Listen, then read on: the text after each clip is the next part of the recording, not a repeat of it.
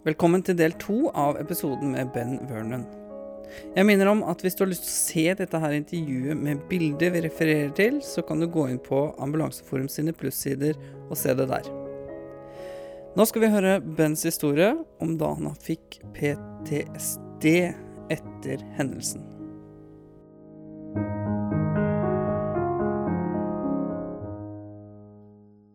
Now, Ole, I don't know about you, but before my incident, I had no idea where to even go for help. I had no idea who to call. Um, I, I'd never worked with a psychologist before. I couldn't have told you what a psychologist looked like. So I remember I called the city and I said, okay, I called our city admin, right, our human resources. And I said, look, I need mental health help. And they said, okay, no problem.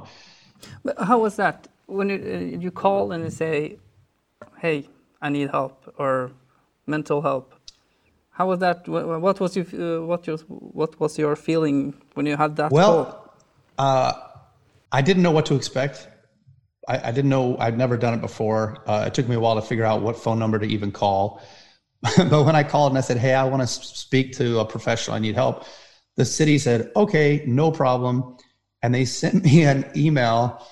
It had four phone numbers with four names. That was it. There was no description of them. There was no talk about what their specialty was. These were four therapists that had contracts with the city to provide mental health help. So I called the first phone number on the list, right? I'm not gonna, I, I don't know where to start. I start at the top. I call the first number. the person uh, that I called had been retired for two years and was no longer taking calls. And and me, I, so they they didn't know yes. either who to yes. but Ole, come on, man, you're the same as me, right? It's like okay, first number doesn't work. I'll just call the second number. So I called the second number, and I said, "Look, I need to see a professional. I need help." And uh, and they said, "No problem." we'll see you tomorrow at, at you know two o'clock. And i go okay no problem. So I'm, i've got an appointment to see my very first therapist and i'm very excited. And i start thinking like what is this going to be like? Right? And, and i realize that all of my opinions come from tvs and movies. And so ole what do you think of, like when you picture a therapist what do you picture? Um, a guy in a room with a with a, yes probably yes. a little fat and yes okay goggles Ole, and, do you and couch yes and, yeah. yes that's what I thought I pictured this right yeah, yeah that's him that's him that's who I'm talking about yeah yeah now, if you look closely that's actually Will Ferrell uh, one of my favorite comedians. Yeah, it is. Yeah, yeah. yeah. but that's this is kind of what I pictured, right? So I'm all excited about seeing my first therapist. And Ole, I walked into the room, and this first guy, he, first of all, he didn't look like this at all. He was very short. There's nothing wrong with being short, but this guy was little. Like, he was tiny. And I almost picked him up and carried him back to his office, right? Like, he was very small. And I meet him, and I'm expecting to see this, that half couch you're talking about, right? That's the couch yes. I was thinking so about. all I can. T- I've seen this in, mov- in movies. I'm excited for this, and honestly, Ole, I'm thinking that I'm going to, um, I, I'm going to be sitting there, right, crying my eyes out, and and this guy's going to be thinking I'm absolutely nuts. Um, and so this was my thought, and I'll tell you, it didn't look anything like this office. I, I recreated this with a buddy of mine for a joke, but his office didn't look like this at all. Um, I was very disappointed. But I meet this guy and he says, Look, he, he admitted to me, first sentence out of his mouth. He said, I'm excited to work with you. I've never worked with a firefighter before or a first responder. He goes, I work with car accident victims. And Ole, I was so desperate. I was like, that's okay. I've never worked with a therapist before. I also work with car accident victims. Right? I'm like, this is going to be perfect. so he, he says, well, what's, what's wrong? And I said, well, you know what? I could tell you, or I could just show you. And I showed him on my phone, I showed him the video. And he was blown away. He goes, My God, that guy almost killed you. And, and he said, So what? What kind of problems are you having? And I told him about the nightmares. And I told him how I was chewing this guy's face off in my sleep, waking up, tasting blood in my mouth. Ole, you should have seen this guy. He was scared of me. Like, I think he honestly thought I was a psychopath. And I said, You know, I'm having trouble sleeping and I'm having nightmares. I can't sleep. And he says, Well, if you're having trouble sleeping, just lay off the caffeine. Lay. Off? Oh, really? That was his. Did he say? That was his advice. That's his first advice. Yes, he stay off the caffeine. Caffeine. He saw the video of me being murdered, almost murdered, and I tell him I'm having nightmares, and he says, "Well, just don't drink coffee." And Ole, I was so that really took the wind out of my sails. I was very disappointed. But then I thought, you know. But did you do you think everyone was every therapist was like this? I did. At, I did. You, yeah. And, and of course, Ole, I've learned a lot since then, right? And here's one thing I can tell you that I didn't know before. There are therapists that have a bunch of different specialties. Some specialize in car accident victims. Some specialize in children. Some are really good with marriage and family therapy. Some work with trauma. Some work with first responder, right? But I didn't know that and I'm kind of embarrassed to say that, right? As if you came to me and you said, you know, my I, I, broke my leg, and I send you to a a cardiologist, right? And you go, hey, my leg's broken. What do you think the cardiologist is going to say? Well, don't walk on your leg then, right? Like he can't fix your leg. but I didn't know that, and so I'm I'm just so. Ah, if I I travel the country, I share this story, and the first thing I try to just teach our people, it, because Ole, I don't know about you. This is a common problem across the United States. I talk to first responders all over the country. It's been a huge gift. And they all share their story. And they say, you know what? When I was at the breaking point, I decided to go see a therapist. And yeah, they told me to lay off the caffeine or, right? Like that kind of thing. And I just remember thinking, we, we can do better we can do better. We need more than 12 slides, but that's one thing I want to teach is hey, you got to keep trying. You got to find a therapist that specializes in us. And that's that's easier said than done, but that's that is a common problem. Do you have that problem in Norway? I hope you don't, but I have a feeling you do. Um, I can tell you another mistake I made is I left his office after that first day, and I thought, you know what?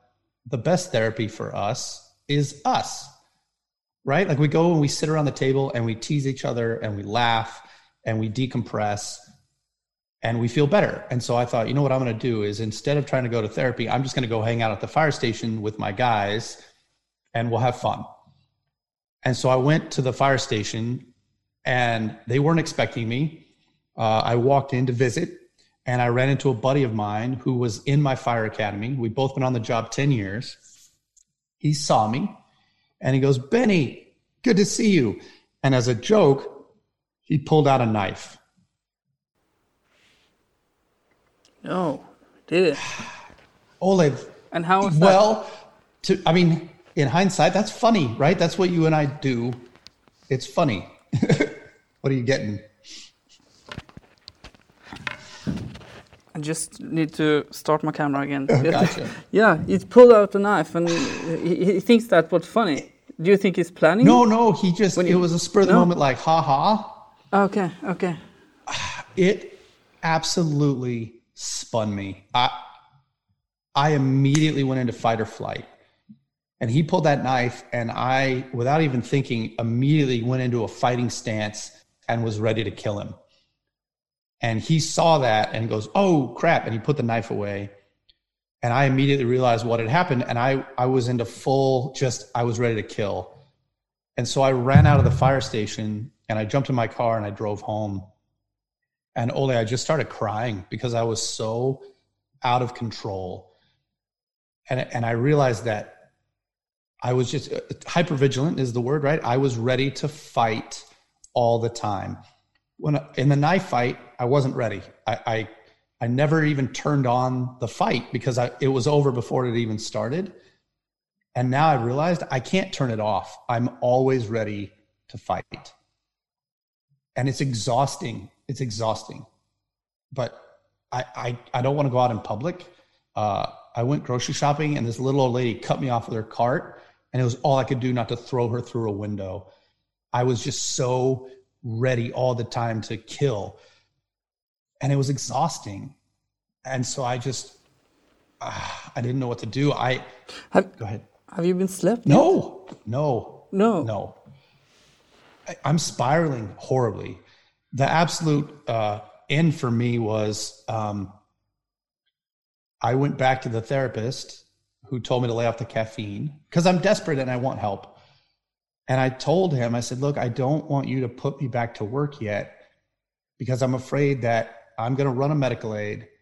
Somebody's going to be aggressive and I'm going to overdo it. I'm going to overreact and I'm going to kill them.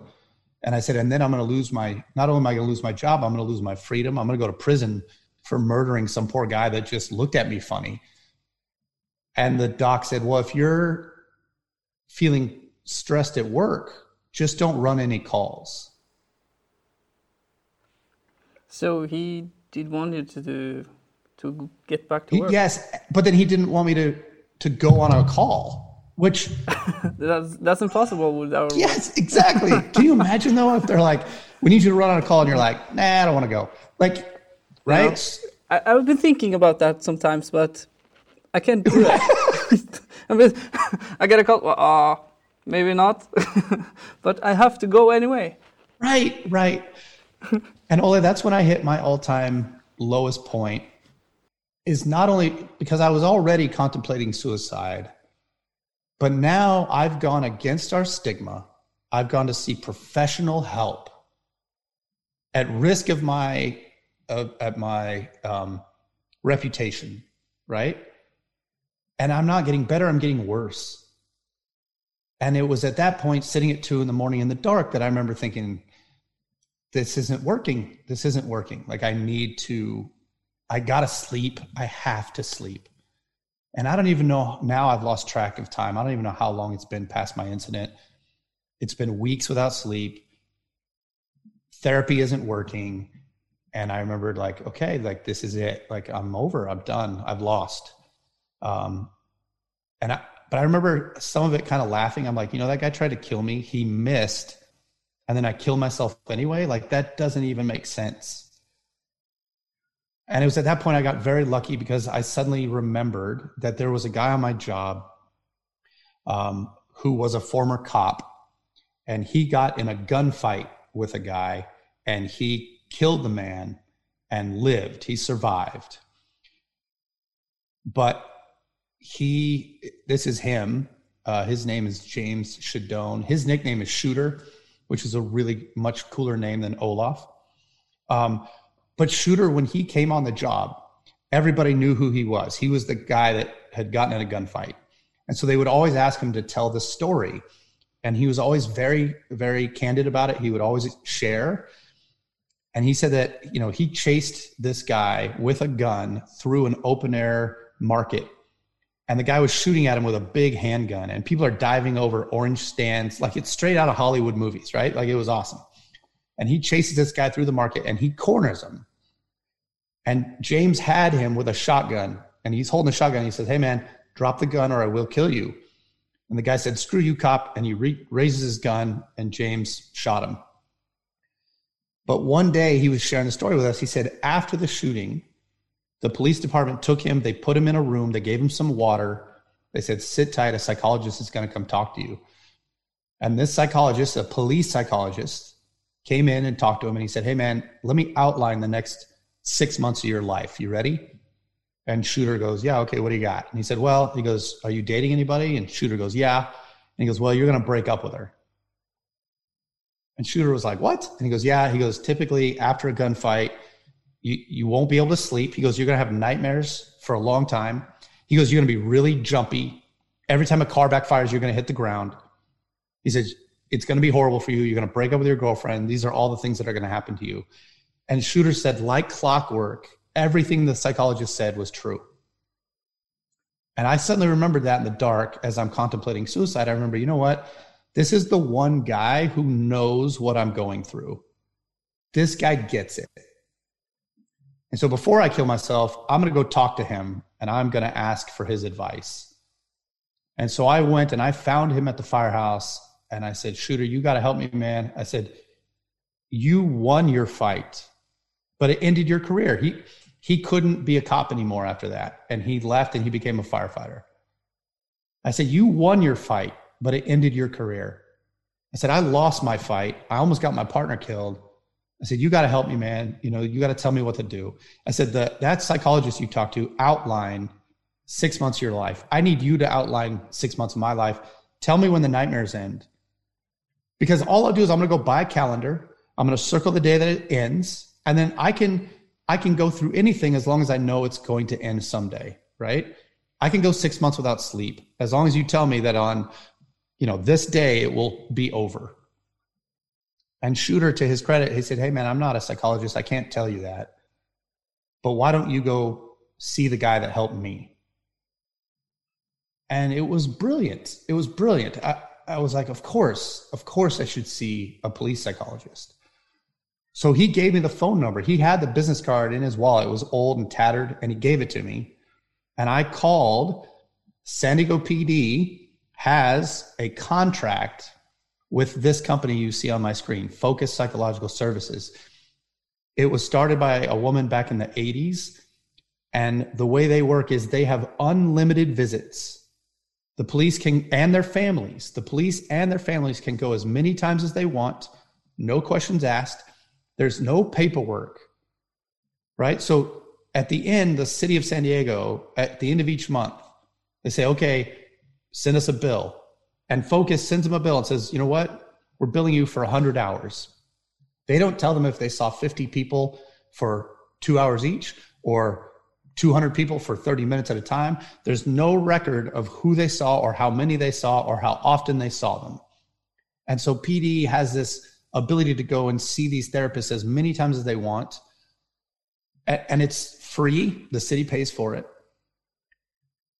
And so I called this number and I talked to a guy named Dr. Mark Foreman. And I had to be honest with him. I said, Look, sir, I'm a firefighter.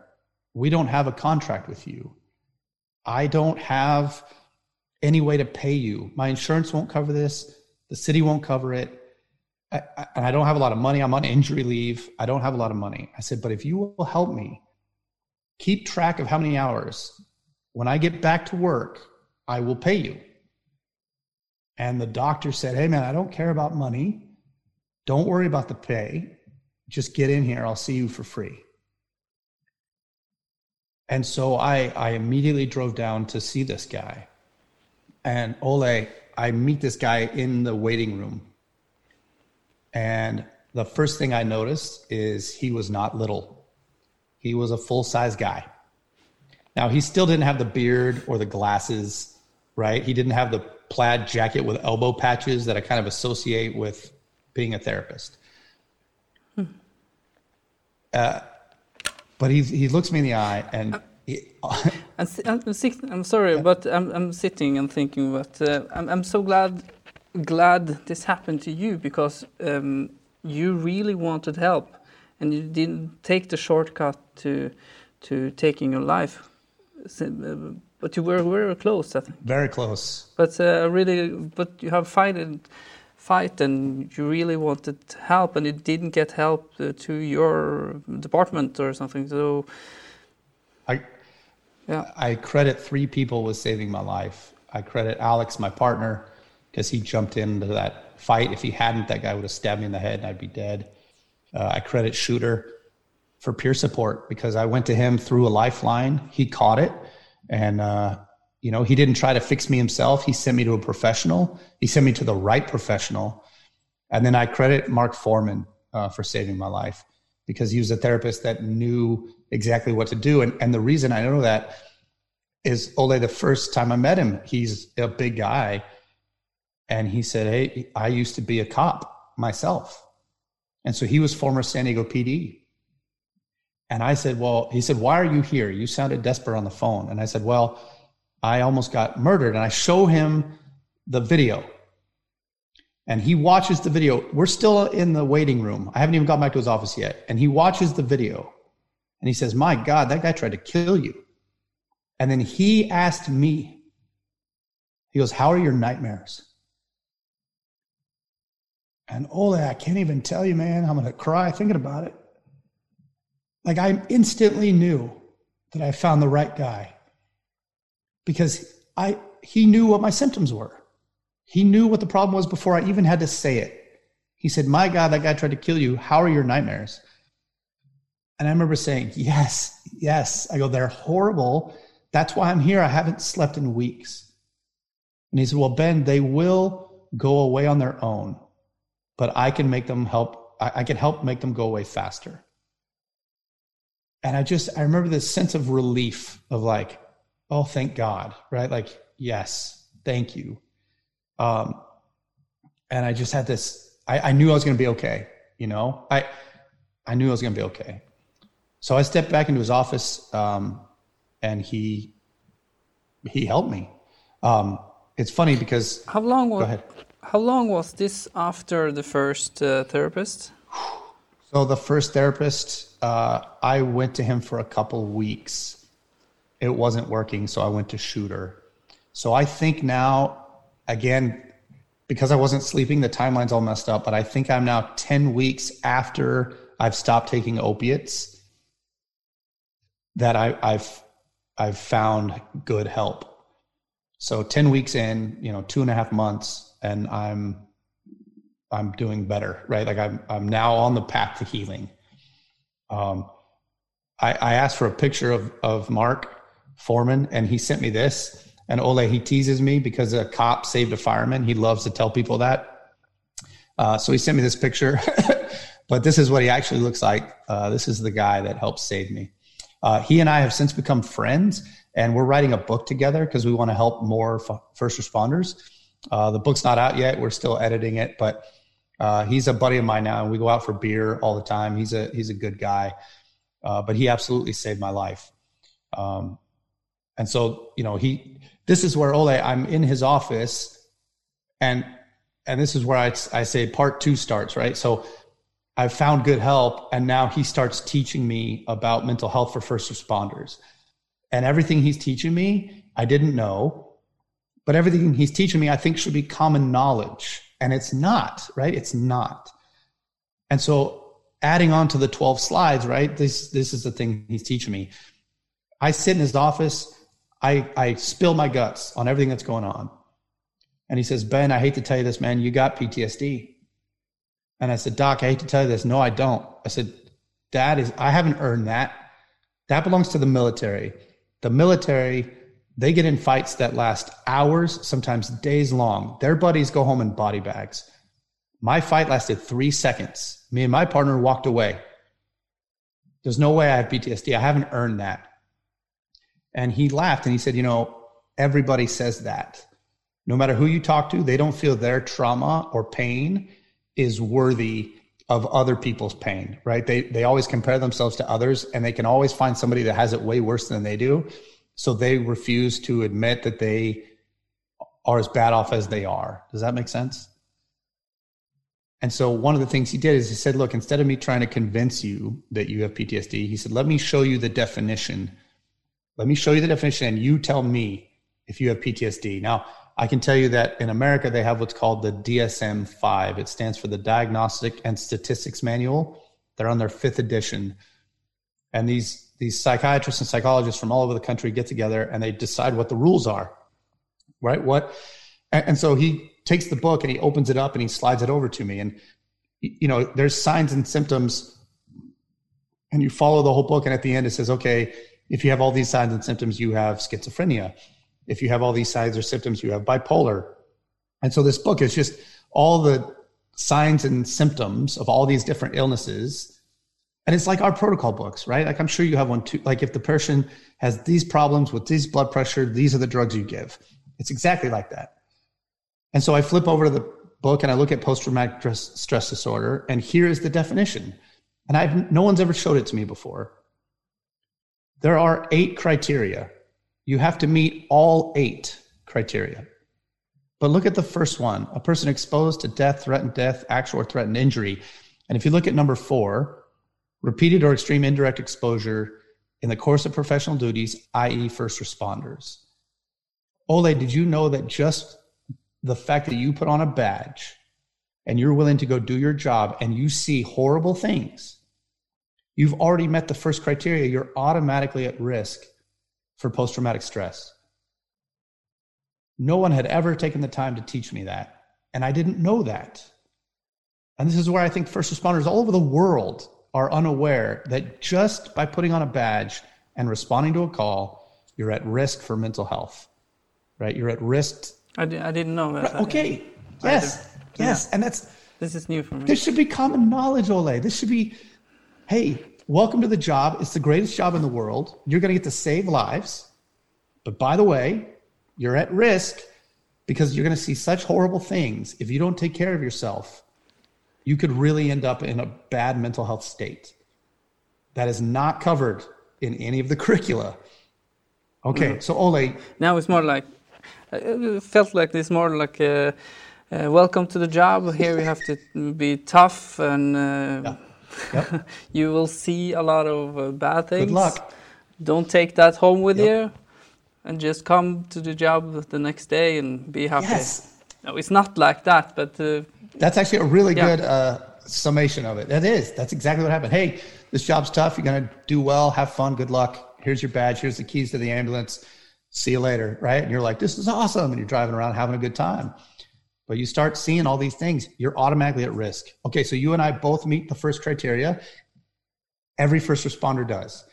Luckily, there's seven more. Okay. To meet the second criteria, you got to have only one of the following symptoms, right? And I'm not going to read all these to you, and whoever's watching these videos, they can pause it and read them themselves.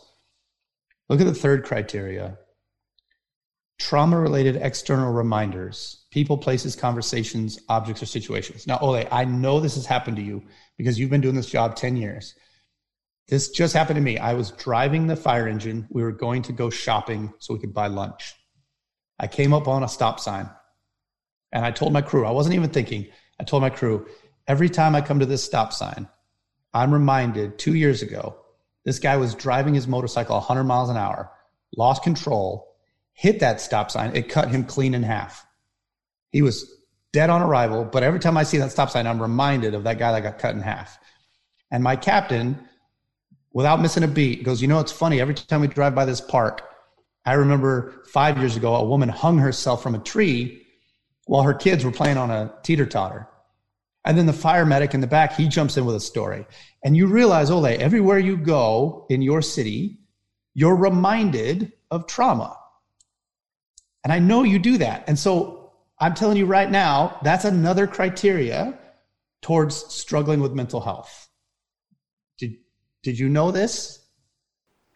No, I didn't know that, but uh, I recognize uh, signs of perceived because when you're driving through the city, I was on murder that and shooting that, and guy there, there, guy there's there. living, yeah. yes, yes. So these these are things that are adding up in your mind, and if you're not careful, they will overwhelm you. Right. So again, I didn't know this, and this is all new for me. You have to have two of these symptoms. Now, here's where again, I won't read all these to you, but number five, markedly diminished interest in pre traumatic significant activities. What that means is we start looking, our, our peer support team now, we're trained. We start looking at people who are, let's say, avid golfers. I don't know if you play a lot of golf in Norway, but you got someone on your job that plays golf all the time. And then suddenly and without explanation, sells all their golf clubs, sells their shoes, right? Just suddenly doesn't want to play golf at all, which was something that was tons of fun for them, is now they're not doing it. They don't want anything to do with it. That can be a sign of mental health. And so we're always looking for those people who do a 180 and suddenly all of their hobbies are right like they don't do them anymore so there's there's signs and symptoms that we can look for to try to find it in our fellow workers i'm proud to say I had all six of these symptoms after my incident. Um, hypervigilant, like always ready to fight, couldn't sleep, um, you know, car backfires, I hit the deck, right? Like all of these things. Uh, self-destructive or reckless behavior. You know, we have guys that will suddenly start driving their car 100 miles an hour without putting their seatbelt on, right? Just doing things over the top, dangerous. To tr- these are all signs of mental health issues. And then the last one is, and I didn't know this. These symptoms have to go on for longer than a month. Now, Ole, every one of us has run on a dead child or a raped woman or some sort of horrible murder and maybe we we struggle for a couple days or a couple weeks. That's normal because at some point in the couple weeks we were able to kind of file it away kind of put it behind us and move on. Normal normal response. It's when the symptoms last longer than a month that you need to start looking for mental health help. And again, I didn't know any of this. And so this is what I try to share with people all over the world is you know, you got to look at others, but look at yourself. Are you having nightmares for longer than a month? That is a sign that you need mental health help. The the coolest thing again that I learned is I asked the doc, I said, Doc, the, the numbers say, from what I've been reading in literature, that one in five first responders will develop post traumatic stress in the course of their career. One in five, 20%. And I said, How come Ole, Ole and I can run on the same dead kid and he's okay and I struggle? I said, you know, What is that defining factor? And he says, Oh, Ben, that's easy. He said, PTSD challenges your core values. And I was like, That is so cool. What? Right? Like, I didn't get it. Now, luckily, he's a therapist, but he's a cop. So he's talking to a fireman. So he's using short words, right? Little words, short sentences. He's keeping everything very simple for me to understand. I'm taking notes in crayon because I'm a big dummy, right? And he says core values. And he goes, here's the deal. Ole, you and I, we have core values. One of those core values, right, is is I want to help people, right? I'm a good person and I want to make the world a better place, right? These are things that we value. I can tell you another one that you and I share because all first responders share it. Whether you consciously believe it or not, it's good things happen to good people, bad things happen to bad people. It's called the just world theory, right? We we tend to hold that, and I can prove it to you, Ole. I can prove it. You ready? You you ever run on a chest pain and you get there and the man weighs 400 pounds, or what would that be for you? 200 Never. kilos, right? 200 kilos. Never. okay. Of course, I've been. Yes. Also, of course, I've been. Yes. On that call. You, yeah, you yeah, walk yeah. in and he's eating fried chicken. Oh no! right? And you're like, and he goes, "My chest hurts," and you're like, "Of course it hurts, you idiot! Like, you're eating fatty foods. You're fat. Like, of course." And then, Ole, he will code. Right? He dies. So you do chest compressions, and you take him to the hospital, and they pronounce him dead you don't lose sleep over that, not even a little bit, because you know that guy didn't take care of his body. His body didn't take care of him. We don't think about that guy for another 10 minutes. We're like, whatever, dummy. Or a guy drives drunk into a tree and dies. Well, you're like, well, what do you expect? Don't right? drive drunk. Don't drive drunk. Like this isn't neat, right? And you don't lose sleep. So Ole, why does it hurt us so much when a little kid gets killed? Because you know deep down that kid didn't do anything to deserve it, right? He does not deserve death. And and only that that can mess with your core values, right? Mm. Good things happen to good people, bad things happen to bad people. Why did this bad thing happen to this good person? That doesn't make sense. And so it can it can just down to your core. We run calls that will just challenge your own personal beliefs, right? And I think I think the most um, the toughest calls is is is something you can put on the, the um, with the emotional things. Um, like driving, I, I, think driving people home from uh, cancer treatment to die. That's and yeah, of course, a baby who's recently died or uh, with the family around, and of course, right. It it just it just hurts. It it cuts deep. And so that's what they this is one theory. There's lots of theories, but this is one theory on what and I love this theory that causes post traumatic stress is it, it goes against your core beliefs. And I can tell you, like for me, I didn't do anything wrong on that medical aid. I didn't make any mistakes. I was a nice guy to that guy, and he tried to kill me. I don't deserve that. My partner didn't deserve that. And so going back to like the core values, right? That challenged my core beliefs and my entire world is upside down because I was trying to help a drunk patient and suddenly I'm trying to break up a fight and now I'm almost being murdered. It's like, what the hell? So that that was a really cool definition for me. And I like to share that with first responders to just help us understand why some of these calls cause so many problems. It's because it really challenges your core belief. And then Ole, I can tell you the number one reason I travel and share my story is that my therapist, Mark Foreman, he said, Look, you got PTSD, but don't worry. He goes, I'm going to have you back to work in a couple of weeks. We're going to do a therapy called EMDR.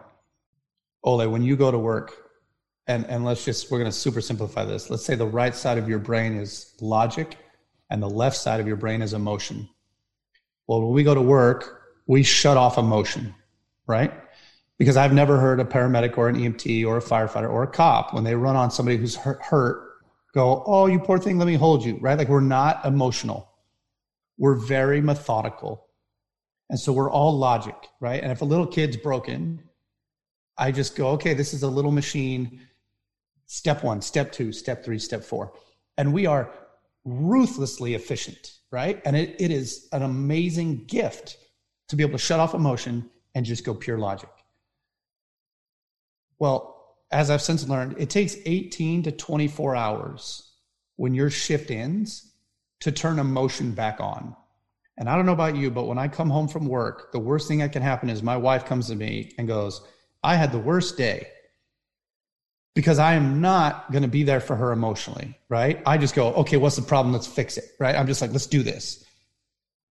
It takes 18 to 24 hours. Now, for you, I don't know how your shift works, but 18 to 24 hours after I get off work, I go right back to work. I, I just go right back to another shift, right back to shutting off emotion, pure logic, doing my job. But what I've learned is emotion doesn't die, it just gets buried alive. And so over time, you're just collecting all this emotional baggage that we don't do a very good job of letting go. And again, I'm going to prove it to you. Okay. Has this ever happened to you? I I came home from work. Luckily, my wife, she had gone to work. So I'm home for the day. And I'm sitting on the couch, I'm watching TV, and a hemorrhoid commercial came on. And this, this guy has got hemorrhoids, right? And he's like, oh, and he's a grown man. Well, his gray haired dad comes around the corner and he goes, Oh, son, you got hemorrhoids. Use the family cream. And he shows him the hemorrhoid cream. And the son goes, Oh, dad, you. really? we don't have uh, Good, that kind of commercials in our. but he goes, "Oh, Dad, you've always been there for me," and they hug, and suddenly, Ole, I'm crying. Right? I'm like, just super emotional, and I can't figure out why. I'm like, "What the hell? Like, where did that come from?" Or I go to the bathroom, and my wife is she's an amazing woman, but she doesn't put the toilet paper over the top the way God intended. She lets it hang down at the bottom. Right?